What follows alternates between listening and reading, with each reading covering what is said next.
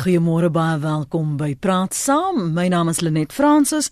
Die amptelike oppositie, die DA se nasionale konferensie het gister in Pretoria tot 'n einde geloop. Jy sou dit in ons nuusbulletins en ons besprekingsprogram vanoggend op monitor gehoor het.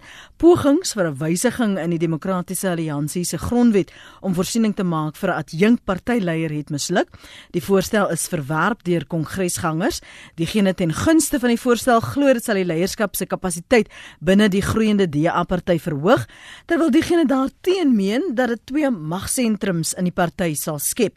So vir oggend in praat saam, kyk ons na die amptelike oppositie, die plek wat hulle beklee, nou met 'n nuwe ANC president, Cyril Ramaphosa aan die stuur. Ons gaan ook bietjie kyk na of hulle hulle strategie moet aanpas en verander gegeewe die veranderende milieu. Ons gaste vanoggend is professor Erwin Schweda. Hy is by die skool vir publieke leierskap by die Universiteit van Stellenbosch en ons gesels ook met professor Andre Dievenage. Hy is politieke ontleder by Noordwes Universiteit se besigheidskool. Kom ons val sommer weg met jou professor Dievenage. Die hele gedagte van 'n adjunk partyleier. Wat sou die redenasie daar agter wees? Wel die redenasie môre net die redenasie daar agter is eintlik maar om kapasiteit te skep. Dit is baie keer praktyk ons sien dit ook in die ANC dat daar 'n adjunk leier is en daardie leier is in baie gevalle in partye ook die kroonprins om oor te neem vorentoe Nou ek dink die risiko wat die DA identifiseer en ons moet eerlik sê die DA in terme van sy steunbasis is 'n baie diverse party, 'n party met die potensiaal vir konflik binne sy strukture. Ek dink die party het die risiko gelees dat om 'n adjunk leierskap uh, te vestig kan waarskynlik bydra tot 'n tweede magsbasis en dit mag 'n grondslag daarstel vir konflik. Ek dink in daai sin het hulle eerder verkies om weg te speel. Ons het dit ook gesien wanneer dit kom by kwotas, is daar besluit om te werk met verskeidenheid as vertrekpunt, maar nie om dit noodwendig te bestuur in terme van kwotas wat dan eintlik gaan beteken raskwotas nie. Ek dink in beide gevalle het die party in belang van eenheid die regte besluit geneem. So as jy sê in belang van eenheid dan sê dit dat die DA erken dat daar sekere goed nie in plek is nie wat vinnig genoeg moet gebeur om dan 'n sterker oppositie te wees. Wat wat volgens jou is nie in plek by die DA nie? Wel, ek kom ons praat vinnig net oor oor 'n party en die groter samelewing. Ons samelewing is geweldig divers en mens sou die argument kon voer dat dit eintlik 'n baie sterk plurale samelewing is en jy moet dus verskeidenheid kan mobiliseer. Mm -hmm. en om verskeidenheid te kan mobiliseer moet jy 'n gemeene basis hê. Jy moet 'n waardestelsel 'n normatiewe grondslag hê op grond waarvan jy diverse belange bymekaar kan bring en hulle kan mobiliseer in terme van 'n verenigde front nou ek dink geen politieke party het die perfekte antwoord vir daardie probleem nie. Alle partye in Suid-Afrika ervaar hierdie verdeeldheid behalwe as dit partye is met 'n redelike sterk faksionele basis wat dan noodwendig ook 'n kleiner party is. Ons sien die verdeeldhede binne die ANC en dit is ook duidelik dat binne die DA mm, mm. daar hierdie uitdagings bestaan. Mm. Maar ek dink hulle was suksesvol tot dusver om hierdie verskeidenheid in 'n een eenheid saam te snoer. Professor Swela, hoe, hoe, hoe vergelyk die DA 2018 met Musi Maimani uh, van die van van Tony Leon in die laat 90s? Ek het nou 'n ander dag verlede week eintlik geluister na Tony en hy was baie versigtig om te sterk die party te kritiseer, maar ook die idee wat 'n mens kry is dat hulle besef selfs met Musi Maimane het dit nie noodwendig die swart stem agter die DA sterk genoeg verenig nie. Ja, kom ons begin eers te sê dat uh, selfs so mense binne die DA ehm um, lyk die party baie anders as uh, in die vorige jare in elk geval onder die tyd van uh, van meneer Leon en later mevrou Zille wat eintlik die oorgang vir die DA beginne bestuur het. Ehm um, en en dit is doodgewoon op verskillende vlakke waarneem waarneembaar. Eerstens het die DA baie groter steun as in die tyd van meneer Leon. Tweedens het die uh, is daar 'n mate van 'n ideologiese verskywing. Uh weliswaar uh in 'n stryd, ehm uh, maar dit wil tog lyk of die DA 'n sterker rol sien ehm um, vir hulle self binne die groter Suid-Afrikaanse gemeenskap en steenwerf veral onder swart kiesers wat dan ook beteken dat daar 'n ideologiese verskywing moet wees. So hulle steen het vergroot, ehm uh, hulle lyk anders, uh, hulle idees is besig om te verander.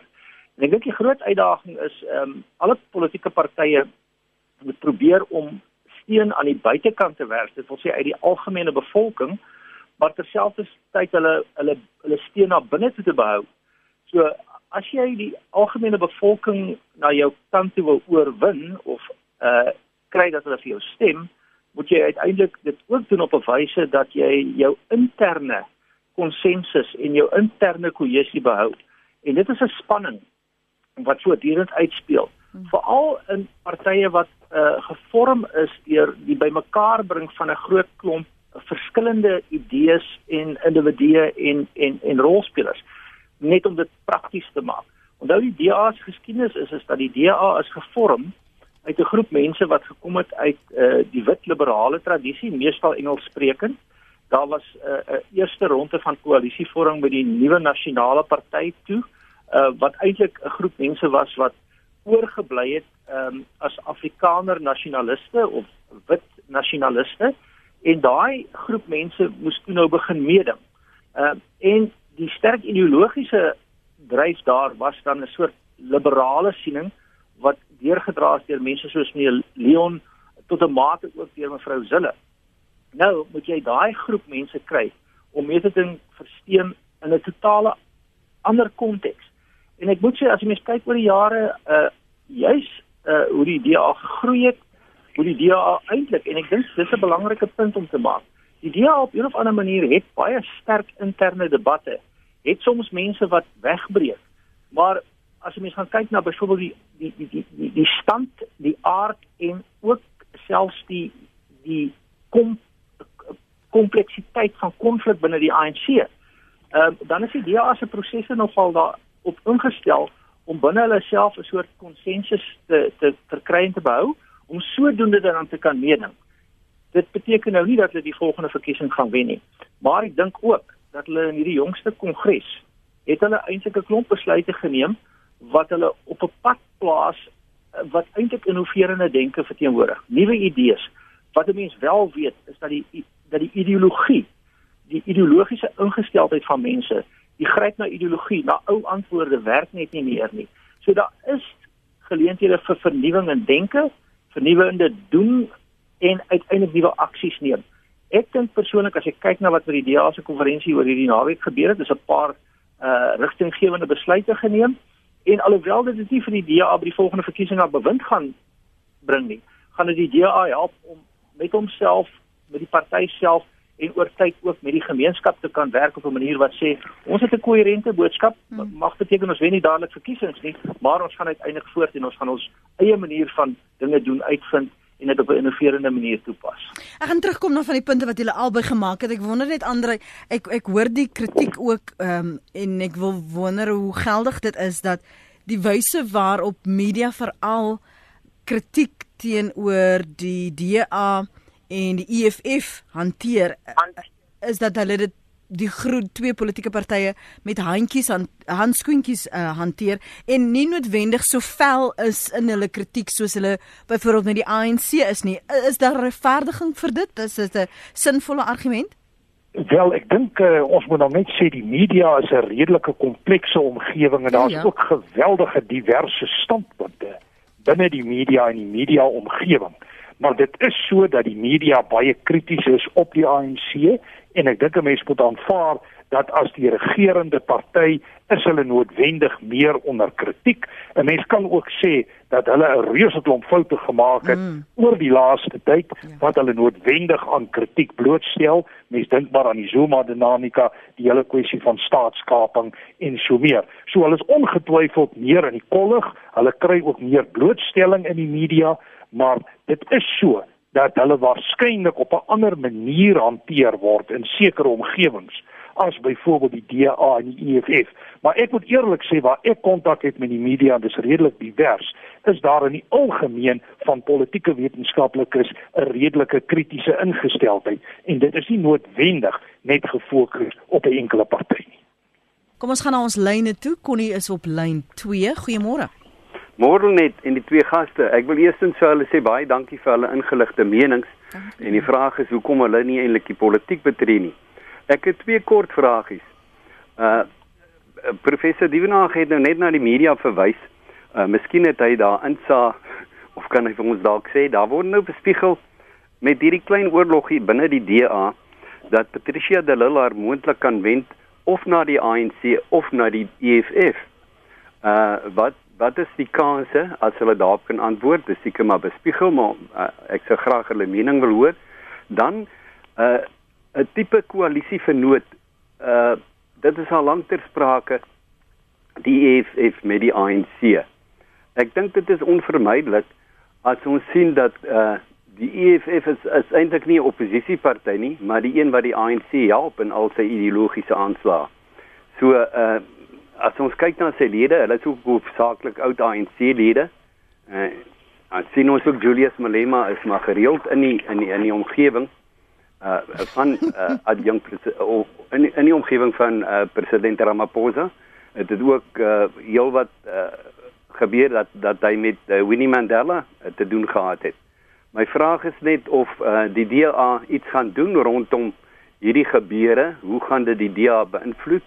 Het hulle teenvoeter vir vir hierdie moontlike koalisie? Sê, sê gou vir my, is dit wat jy dink dat daar 'n moontlike koalisie is? Sê jy die EFF is 'n geval van jakkals verander van hare maar nie van snare nie? Is dit wat jy vermoed kon nie? Ek het so 'n idee. Ek mag verkeerd wees, maar jou gas is seker beter ingelig as ek sou net. Nee, ek wil net graag weet hoe jy dit lees. Dankie vir ja, jou ja, dankie vir jou hoor. saamgesels. Dis 21 minute oor 8 en jy is baie welkom om self of wat Connie gesê het, ehm um, daarop te reageer. So kom ons praat gou die die die ehm um, meningsvormer sê professor Swela dat die EFF het vir die DA die laaste ruk ore aangesit. Ja, laat ek miskien net eers begin om so effens stongetjies vir vir Connie en ander luisteraars sê op die vraag en dit was eintlik drie vrae, nee, ek mm, ja. nou hoekom uh, word ons nie politici nie? Ja, miskien en, en ek hoop nou nie ek maak al die politici in Suid-Afrika kwaad nie, maar laat ons nou maar die grappie maak, jy weet ek uh, is geneig om te dink ek moet vir my vir my geld werk. So uh, uh, nou ja, dit gesê. Uh, uh, ons ons uh, as as 'n mens mooi gaan kyk na na, na die EFF. Die EFF op 'n of ander manier wegbreek party uit die ANC uit. So die die ideologiese raamwerk wat die EFF met die ANC deel is uiteindelik terug te voer na die Freedom Charter toe. En 'n mens sal eintlik konsekwent hoor dat die dat die dat die EFF verwys daarna dat die Freedom Charter ge, ge geïnstitusionaliseer en geïmplementeer moet word. En die EFF maak dan die punt dat die grondwet wat ons uiteindelik gekry het as gevolg van 'n kompromis tussen al die ehm um, rolspelers by die grondwetlike onderhandeling dat dit eintlik die Freedom Charter verloon. En hulle wil eintlik teruggaan na 'n gesuiwerde siening om die Freedom Charter se beginsels in 'n nuwe grondwet in te bou. So in daardie sin is daar groot ooreenstemming tussen die EFF en die ANC en is daar dus ideologiese verbindinge en ook oor tyd geskiedkundige verbindinge. Wat 'n mens ook wel moet sê is, is dat die EFF het op een wesentlike grondslag eintlik 'n verskil met die ANC en waarskynlik met 'n groot gedeelte van die res van die bevolking. En dit is dat die EFF het die Freedom Charter se idee van Suid-Afrika behoort aan almal wat daaraan woon en uiteindelik grondwetsvoorsiening dat daar tot 'n groot mate voorsiening gemaak moet word vir alle mense in Suid-Afrika omgekeer. Dit is 'n groot verskil met die ANC my indruk van die ANC is dat die ANC deurlopend nog steeds alhoewel dit nie in die verteenwoordiging van hulle strukture reflekteer nie ehm um, maar dat hulle steeds vashou aan die idee van nie rassigheid met 'n sterk nasionalistiese betrokkenheid in hulle eie geleedere. Nou dit is 'n potensiële konflikpunt. Uh as die as die EFF sterk anti-wit sentimente laat ons dit nou maar reguit sê gaan aanhou hê, dan gaan dit vir die ANC 'n probleem wees. Tensy die ANC sê maar ons het ook sterk anti-wit sentimente en dit is nie wat uh, meneer Ramaphosa byvoorbeeld sê nie. So op daai punt dink ek breek die moontlikhede af. Uh, daar mag ideologiese ooreenstemming wees oor grondhervorming, daar mag ideologiese ooreenstemming wees oor aspekte van die staat se rol in die ekonomie, daar mag uh ooreenstemming wees oor uh hoe ons uiteindelik werk met ehm um, regstellende aksie, maar op die punt van hier rassigheid is daar 'n dramatiese verskil. En ek dink dit is die een ding wat nog nie beklemtoon is nie en ek dink as die ANC optree op op die wyse wat wat ek weet byvoorbeeld vir al die ou UDF ehm um, mense in die ANC opgetree het, dan sal daai debatspunt nog na vore moet kom en sal interessant wees wat meneer Ramaphosa daarmee gaan maak. Ek verwag eintlik dat meneer Ramaphosa as die president van Suid-Afrika en daarom my president ook op 'n stadium om sterk moet uitspreek teenoor die ehm um, sterk rasgebaseerde uitsprake van die EFF. En as hy dit doen, dan haal hy 'n groot klomp uh kom ons sê moontlikhede vir konflik op hmm. in hierdie hele proses. Professor Dievenage, voordat ons na Gladys en Kim toe gaan. Ja, ek dink uh, net so 'n paar opmerkings, die verskil tussen 'n politikus en 'n akademikus. 'n Politikus moet vir mense sê wat hulle wil hoor. Ons as akademici het die voorreg om te sê wat ons dink hulle moet weet in belang in belang van die toekoms. So dit is goeie wêrelde wat nie mm. maklik bymekaar gebring kan word nie. As ons vinnig net kyk na die Patricia de Lille saak, ja, daar is oorlogies klein taktiese gevegte binne die DA konteks. Ek het min twyfel dat Patricia de Lille haar as sy ontslaan word vanuit die DA en dit lyk tans of dit die geval is of sy haar gaan belyn met ander partye meer waarskynlik die ANC as met uh, die EFF die EFF se steunbasis is nie baie sterk in die Wes-Kaap nie maar sy is 'n persoon wat polities veg en ek sien haar nie buite die politiek nie. Dit kan die DA seermaak veral in uh, die Wes-Kaap, maar ek dink ook dat die DA as party is groot genoeg om dit te oorleef. Die hele argument wat Erwin daar stel en ek dink dit is goeie argumente op 'n normatiewe grondslag dat daar groot beleidsverskille tussen die EFF en die ANC is en ook standpuntverskille, waardeverskille, dit is so. Maar op 'n strategiese vlak wil ek net hier byvoeg en sê sedert Ramaphosa president geword het, is die mate van kritiek van die EFF op die ANC minder. Een van die redes hou verband met die ANC onder Ramaphosa se hantering van die grondkwessie. Maar dan moet ons 'n groter dinamika lees wat oor die naweek in die media baie sterk ook uitgekom het en dit is dat meneer Zuma duidelik besig is om polities te mobiliseer En ek is van mening met die moontlikheid van 'n selfs 'n vervroegde verkiesing -hmm. is meneer Ramaphosa onder druk om vennote te soek en ek dink hy gaan moeilike verkiesing wen deur beide met die EFF en met die Zuma groeperinge binne of dan buite die geleedere van die ANC te veg. En dit lyk op die stadium vir my of hy dalk raakpunte sou kon ondersoek met die EFF en laat ons op 'n strategiese vlak 'n ander uitspeel sien. Want dit is my baie duidelik waar ons sedert 94 'n sekere patroon in die Suid-Afrikaanse politiek gehad het. En die laaste dekade het daai patroon 'n bietjie gewysig. Moet ek sê die volgende verkiesing is grootliks moeilik voorspelbaar. Hier is 'n dinamika aan hom en dit lyk vir my of die ANC op die oomblik baie bekommerd en selfs onseker is oor wat met hulle gaan gebeur en hulle gaan ongetwyfeld vernoot hê. En met die huidige grondkwessie waar die ANC hom plaas en waar die DA hom plaas dink ek nie is daar groot ruimte vir samewerking op daai vlak nie. Dit is 28 minute oor 8 Gladys baie dankie vir jou geduld. Jy's op lyn 1 goeiemôre. Môre nee ek wil net een ding sê van die DA ons sal nie die bedrog in ons land hê wat ons nou het. Eh uh, Visie Money Money probeer om unity te skep tussen almal. Ek meen die die wit en die swart het mekaar nodig. Ons is lief vir mekaar. Hou op om alles teen die wites te kritiseer. Ja, hulle gaan net probleme vir hulle self oplos. En ek wil dit sê as as jy wil ons land red, laat die DA in beheer kom. Baie dankie, weer. Goed. Dit is Gladys se mening daarin. Kim, goeiemôre. Hallo, baie dankie en hallo vir die professor. Ek is baie opgewonde wat uh, met die gebeurtenis van die van die uh uh naweek. Nou kan ek asseblief Engels praat? Ja, ek wil ook al vir jou 'n vraag vra oor die gebeurtenis oor die naweek. Gaan gerus voort, Kim. Ehm um, Ja, uh, dan moet jy my manie alles wat elke Afrikaners wat wat wat baie swaar op haar hart lê. He has addressed everything.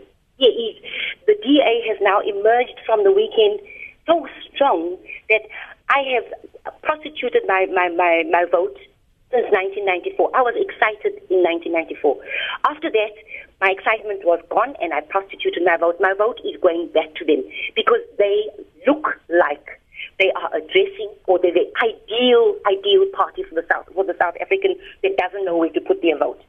And the most exciting thing is their diversity clause. They've included everybody, rich, poor, genders, sexual orientation, and above all, they respect the Constitution. And the most important thing for me is poverty. They are going to attack poverty. They are attacking poverty the, the same way that the ANC is making the people poorer. The DA is trying to do the opposite. And I unashamedly am saying that I'm going to put my all my hope because I'm in my, the last years of my life. I'm putting all my hope on the DA. I hear what Professor is saying, and I hear that it's a long stretch ahead, but I still put my hope on the DA. Before you and go. What, what has happened over the weekend? I, uh, what was your question? Sorry. Yeah, no, interesting choice of words to, to say that you've prostituted your vote.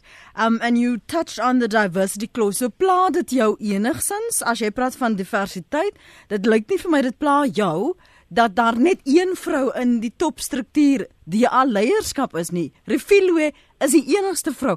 Wat sê dit van diversiteit? Nee, dit dit dit pla my, maar hulle werk aan dit. Hulle het die rede gegee. Hulle was transparant. Dit is die verskil. By die ander partye goed te word gedoen, niemand weet hoekom het, uh, uh, dit gedoen word.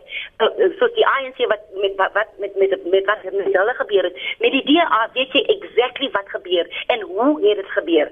Goed, dit kan nie net oornag gebeur nie. Ons verstaan dit, ons moet dit verstaan. So, uh, uh, uh, if I can give an example, if we just look at uh, what what the example is, the um, the ANC has been in power for about 24 years. They've done nothing, and the DA then gets uh, uh, prosecuted because they've been 18 months and there's no change, no change. Change doesn't happen overnight. The important thing is that it's going to be done. It's going to be done. We heard the reasons why Rafiga is the only only uh, female. We've heard the reasons and how it's going to change in the future. That's the important thing. Goed. Dis Kim se mening daarin. Hier skryf een: "Nee, wat? Ek was opgewonde oor die DA. Alles is by die venster uit. Die DA gebruik die wit mense om iewers te kom. Ek is uitgesluit. Het al vir die afgelope 2 jaar nie my stem uitgebring. Daar word nie toegesien dat die DA sy werk doen nie. Ek's uit. Sal vir geen party stem." En nog een sê dis Ma Martin op Rodepoort. Die DA gaan hulle self in die voet skiet met die kwessie van Delil en Company. Skryf dit maar neer. En dat sê die ander een, wat is die probleem? Die ANC het ook net een vrou in hulle top 6. Dis Henny se mening daarin. Nog 'n luisteraar sê I don't care whether there are more men than women or vice versa as leadership capability should be the measure for appointment. So kom ons hoor gou wat julle gedagtes is oor daardie twee oproepe en die SMS'e wat ek tot dusver gelees het. Ons gaan natuurlik nog ander uh, na na kyk. Professor Dievenage, kom ek gee jou kans eers. Ja, ek dink ek wil 'n bietjie aanhaal by wat John Steenhuisen gesê het gedurende die uh, die konferensie. Herinner dit ons luisteraars? En dit is dat die hier 'n veranderde politieke speelveld en die demokratiese alliansie moet baie versigtig beweeg. Hier is groot risiko's en hier is groot uitdagings vir die party. Nou ek dink die party het goed gedoen met die konferensie. Ons hoor die kritiek van verteenwoordigendheid, maar ons moet altyd ook net onthou dat demokratiese prosesse stem nie altyd verteenwoordigend nie.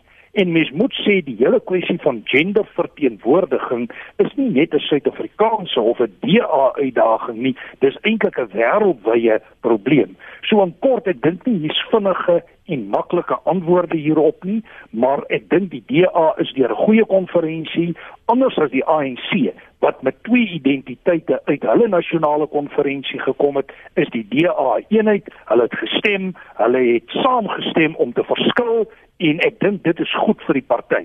Maar in kort, ek is bekommerd oor die stedelike middelklas waarin die demokratiese alliansie die laaste tyd baie steun vir gewerf het, maar met meneer Ramaphosa met 'n ander fokus op die ANC kan dit baie drasties verander en dan is daar ook kommer dat hulle van hulle minderheidssteun kan verloor omdat hulle in opsigte gesien word as ANC light en ek dink die hele standpunt oor die grondkwessie op die oomblik mag tot die voordeel van die demokratiese alliansie werk.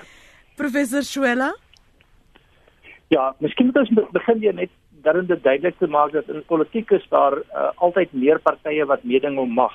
Hmm. En dit beteken dus dat die party uh, wat jy nou na kyk, ons kyk op hierdie stadium na die DA, is 'n rolspeler en hulle moet alles doen wat hulle kan om die kiesers te oortuig om vir hulle te stem om sodoende mag te kry en uiteindelik uh, in regering te kom. Maar daar's natuurlik altyd ook die dinamika van die ander partye. Ons kyk na die oppositie, maar daar's ook 'n regerende party. En ek dink Andre is is wat dit betref reg in die sin dat die ANC se manier van doen het ook 'n impak op kieserssteun. En ons kan sê um, en ons het nou 'n luisteraars gehad wat baie sterk teen gunste van die DA uitkom en luisteraars wat ook sê maar hulle is krities oor die DA. Mense moet nou natuurlik gaan kyk wat doen die ANC op hierdie stadium. Die gesprek gaan nie vandag daaroor nie, so ons wil nie daarop fokus nie.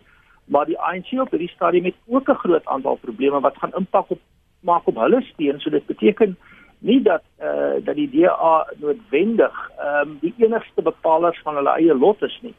In die mate waar wat die ANC probleme vir hulle self veroorsaak, gaan hulle steun ook eh uh, daardeur geraak word. Dit lei daartoe dat 'n mens waarskynlik kan sê dat 2019 se verkiesing lei na meer koalisies en koalisievorming. En eh uh, uh, uh, dit gaan dus die interessante vraagstuk word met wie gaan daar koalisies gevorm word?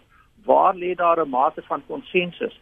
En dit is sodat uh, daar groter ideologiese ooreenstemming is tussen die ANC en die EFF gegee hulle geskiedenis en selfs in terme van hulle beleidsprogramme maar terselfdertyd uh, is dit ook sodat die EFF se styl dit moeilik maak om 'n koalisie met hulle te vorm want hulle het 'n manier om daarna baie meer te wil kry as wat hulle kan bydra hulle dra 'n klein persentasie steun by maar hulle hulle plaas baie groot druk dat hulle agenda gedien moet word dis 'n interessante dinamika waarop ek dink ons ook hulle net daarom uh, moet fokus is die DA se beleidsrigtinge. Ja. Lyk my dat die DA is besig om uh, 'n uh, soort pragmatiese eerder as 'n ideologiese benadering te soek waar hulle kyk na dit wat die mense regtig nodig het. Dit lyk asof daar 'n siening is by die DA dat um, mense op 'n manier moeg is vir die manier waarop ideologie mense in kategorieë indwing.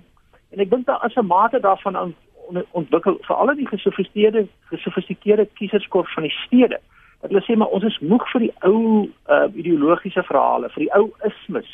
Ons soek nuwe idees, ons soek vernuwing.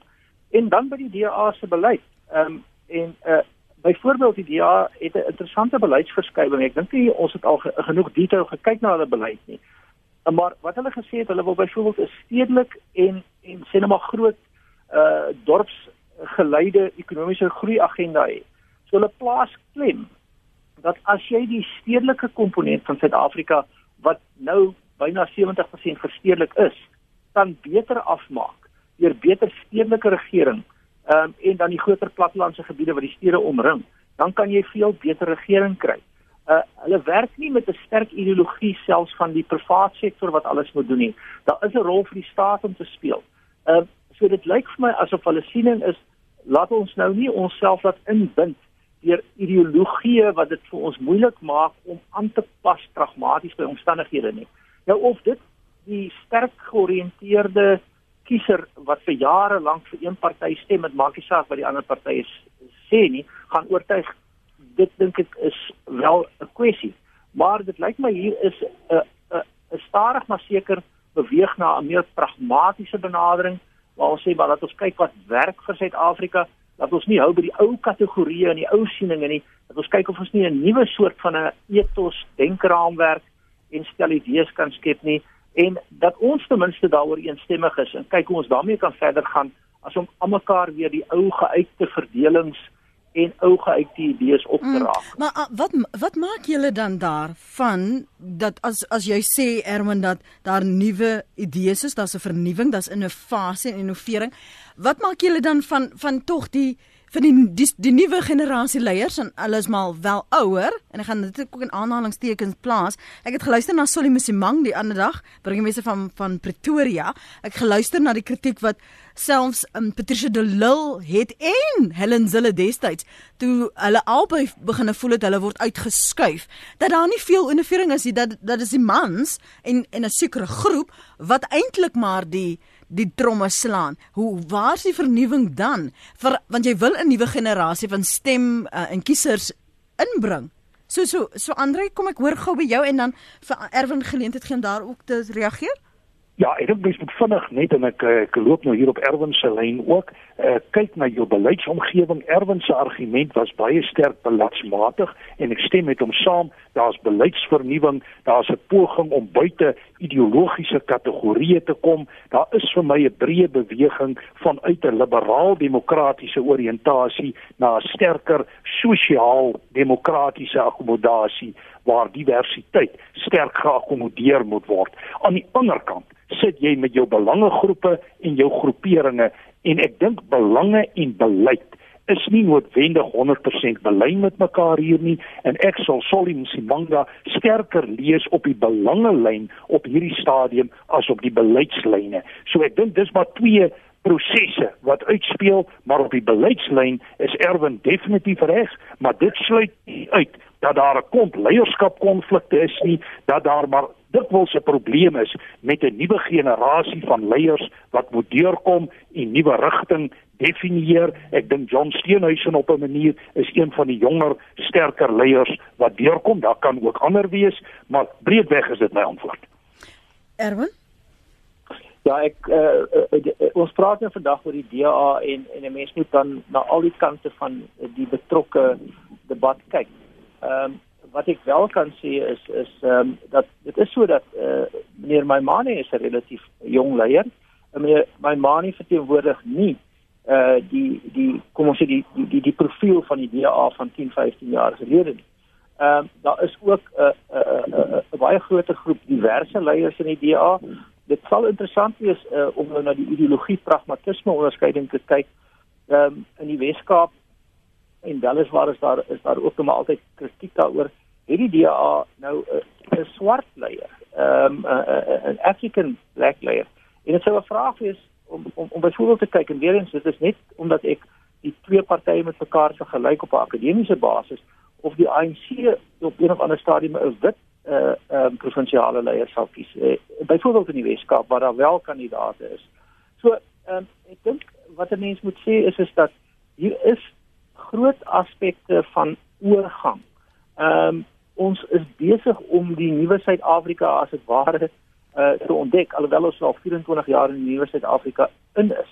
En ek sien wel 'n groter uh, beweging na uh, pragmatisme en aanvaarding. Ehm um, en dit sien ek veral en ehm um, nou klink of ek apologeer vir die DA, ek het ook baie kritiek teenoor die DA, maar ek sien dit veral in die DA. Ek sien minder daarvan in die relatief uh, homogene samestelling van byvoorbeeld die die ANC en natuurlik die EFF uh, per se. So um, in daai opsig dink ek is daar wel ook vernuwing vernuwing van beide die personeel sowel as die paradigmas van die party.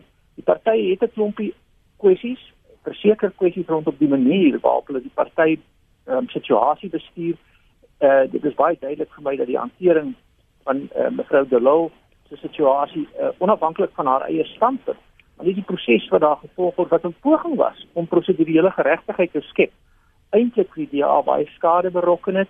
Ek dink daar's soms meer sterker gesentraliseerde leiding in die DA nodig. Ehm um, maar dit is punte van kritiek wat 'n mens kan hê. Op hierdie stadium wil dit tog vir my lyk asof die DA ehm um, en ek en ek raal meer pragmaties raak um, beleidsvernuwing soek, nuwe maniere soek en dit is 'n wêreld waar jy tendens die ou antwoorde werk net nie meer nie. Jy, jy kan nie net goed mense in groepe en in kategorieë en in bepaalde uh dwangbuise inforceer nie. Ehm um, so ons sal gedurende politiek oor die wêreld moet kry en ook in Suid-Afrika en dit lyk my die DA is nader aan daai kern uh idees as as as meeste van die ander partye dit is in elk geval my my analise daar. En wat ek intussen ontvang het, is, is nou nie die jongste wat onmiddellik nou ingekom het en dis hoekom ek spesifiek daarna verwys. Ek gaan ook hier stem nie politici kompeteer met mekaar oor dieselfde kwessies en hulle dien nie die burgers van die land nie. Mense wil munisipaliteite hê wat werk, goeie bekostigbare onderwys, mediese dienste, ekonomiese groei en so voort. Ek voorspel 'n baie swak kiesersopkoms vir 2019. Die politicians sit almal die pot mis. Hulle is net daar vir die vet salarisse. Nog een sê dis Esme op Aberdeen. Sy sê ek is ook baie bekommerd oor die DA eerskolonialisme teen Zille, nou weer die Delil wat uitgeskuif word. En AJ wat weer sê solank daar nie gediskrimineer word teen vroue nie, kan daar maar net een vrou op hoofbestuur wees. AJ is heel gemaklik daarmee. Nog een sê let's call a spade a spade wat vroue verteenwoordiger betref, die politieke hiërargie van die DA is steeds broederbond. Die DA het die gewoonte om net soos die ANC van sterk bruin politieke leiers ontslae te raak deur hulle te diskrediteer uit vrees dat hulle die bruin stem kan solideer, selfs op plaaslike vlak.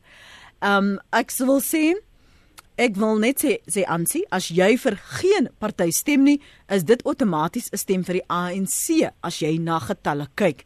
En nog 'n een wat uh, sê jy het net nog gesê Erwan jy hoop jy klink soos 'n apologeet vir die DA nie. Uh, een van die luisteraars sê waar is dit nou? Hier's nou nie 'n naam nie. Ehm um, het jy vir ons politieke ontleeders of DA propaganda ontleeders? Nog 'n luisteraar, Rabbit sê die DA roem hulle op diversiteit, maar aanvaar sonder teenstand dat Afrikaans misken en verwerp word op tersiêre vlak. En Helen sê Cyril Ramaphosa het die guldige geleentheid gehad om 'n vrou as sy jong president aan te stel. Hy wil waarskynlik sê dat daar geen bevoegde vroue was wat hy kon aanstel nie. Inteendeel het hy verkies om liewer vir David Mabuza aan te stel en sy het so 'n paar, seker so 6 uitroeptekens watter boodskap stuur so 'n aanstelling uit. En nog een sê Gevegte tussen die DA en die ANC gaan baie stemme wen vir die uh, Vryheidsfront Plus. Hulle werk hard op klein dorpies. Dis 'n Carol se mening daardie. En dan sê Ertjies, nou kan hulle nie meer sê Helen Zille het haar met mans omring nie. Moesie my mane doen presies dieselfde. Ha ha ha.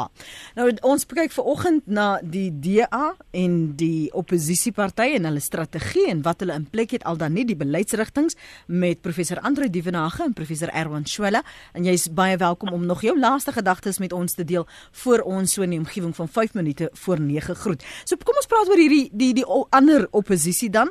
Ons praat oor die Vryheidsfront Plus. Ons luisteraars het dit aangehaal. EFF Andre, daar's die IDM, dan se EFP, ehm um, die vroue stemme wat daar uitkom. Ek dink aan Anneliesel van der Merwe byvoorbeeld. Hoe en hoe effektief is die samewerking tussen hulle en die DA?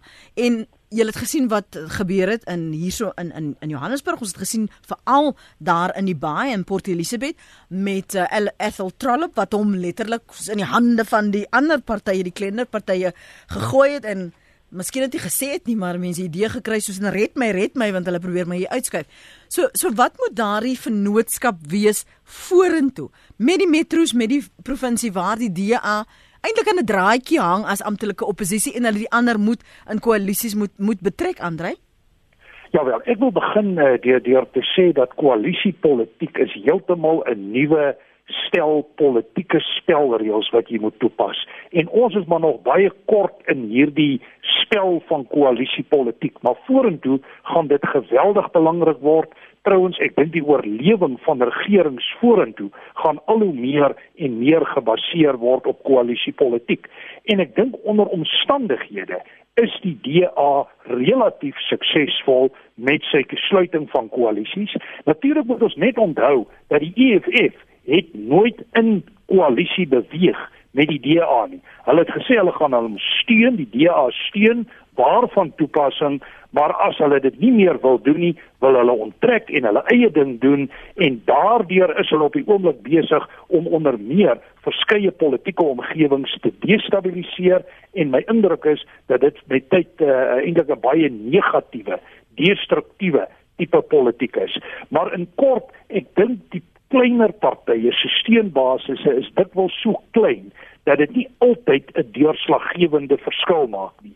Ons sien hoe uh, Ethel Trollop op die oomblik met die kleiner partye onderhandel en aanbiedinge maak ten einde te verseker dat hy 'n meerderheid behou in die Nelson Mandela metropool. Maar ek dink dit is 'n groeiproses, dis deel van daardie vernuwing waarna Erna er, er, Erwin verwys het. Dit is deel van 'n stuk politiek wat ander werklikhede vorentoe bring en wat ons in die toekoms meer en meer gaan sien. So daar's 'n plek vir kleiner partye en dis geweldig belangrik dat die kiesers gaan stem en nie by voorbaat net sê die kool is die sous nie werd nie. Hmm. Sluit vir my af asseblief jou amptelike gedagtes en vir vanoggend se gesprek as ons klaar maak, Erwan. Wel, ek het nie eintlik amptelike gedagtes nie, miskien akademiese gedagtes, my gedagtes. Gaan voort, Erwan. My gedagtes word nie amptelik nie. Uh, hoe dit ook al sê, ehm um, die die hele idee van 'n proporsionele verkiesingsstelsel wat ons ingevoer het uh, in ons demokrasie skep juis die geleentheid dat uh, 'n uh, klomp partye 'n uh, steen kan werf en met relatief klein steen die verteenwoordiging kan kry wat dan eintlik die idee van verteenwoordigende demokrasie dien. Uh, en dit beteken dat uh, ons toenemend soos die die die as dit ware die ou gom wat mense bymekaar gehou het in terme van ou nasionalisme en ou ismes hmm. soos dit dit stadig maar seker verdwyn gaan ons meer en meer sien dat koalisies aan die orde kom en dan moet ons 'n hele stel nuwe konvensies en idees opbou rondom koalisie. Uh die die die die, die suksesvolle demokrasie in Europa uh, of gesien hoe lank het mevrou Merkel gesukkel om 'n uh, om 'n regering saamgestel te kry, selfs in Nederland. Ehm um, en dit is net so dat koalisieregering op die ou end ook daartoe lei dat 'n kompromie gemaak word en dat dat meer stemme gehoor word. Daar's ook nadele daaraan verbonde, maar ek dink dit is die toekoms en ons gaan ons eie stel konvensies daar rondom uitwerk en ek dink uiteindelik daarmee sluit ek af. Uh, demokrasie is klassieke lerende organisasies. Suid-Afrika is 'n uh, ontwikkelende demokrasie en solank ons op die pad bly van grondwetlike demokrasie, ehm um, wat 'n behoorlike prosesse is om die regstaat te laat geld eerder as die magstaat, dink ek is ons op 'n goeie pad. En daar gaan soms tendense wees wat ons 'n bietjie afneem, maar ek dink persoonlik die tendense is opwaarts. Ehm um, binne binne al hierdie goed wat daar word voortdurend geleer en en en nuwe idees. Ons moet net nie 'n totalitêre oorneem kry van enige kant nie. Baie dankie vir julle akademiese en on, ontledingsvermoëns vanoggend op praat saam professore. Professor Erwin Schwellas by die skool vir publieke leierskap by die Universiteit van Stellenbosch en professor Andre Dievenage is politieke ontleder by Noordwes Universiteit. 'n Goeie week vir julle albei. Andre se mening, dis 'n ander Andre julle nie, die een met wie ons sopas gesels het, dis 'n luisteraar wat skryf: "Die DA gaan baie stemme in 2019 verloor as gevolg van uh, Helen Zille en Patricia de Lille, my manie wat al hoe meer besig is om 'n diktator mentaliteit aan te neem en te min vroue in leierskap. Dit is sy mening. Baie dankie vir ook julle menings en julle kommentare op ons webblad en ons SMS lyn. Uh, ek hoop ek kon so ver moontlik so diverse blik gee op wat ons luisteraars dink oor vanmôre se onderwerp. DV môreoggend in die omgewing van 5 minute oor 8 gesels ons weer saam dan uh, hoor ek graag wat jy op die hart het. As jy my wil e-pos, dan kan jy dit doen by Lenet by RSG Lenet is L A N E T T E by rsg.co.za. Andersins kan jy my volg op Twitter en sosiale media op Twitter is ek Lenet Francis 1. Sien jou môre.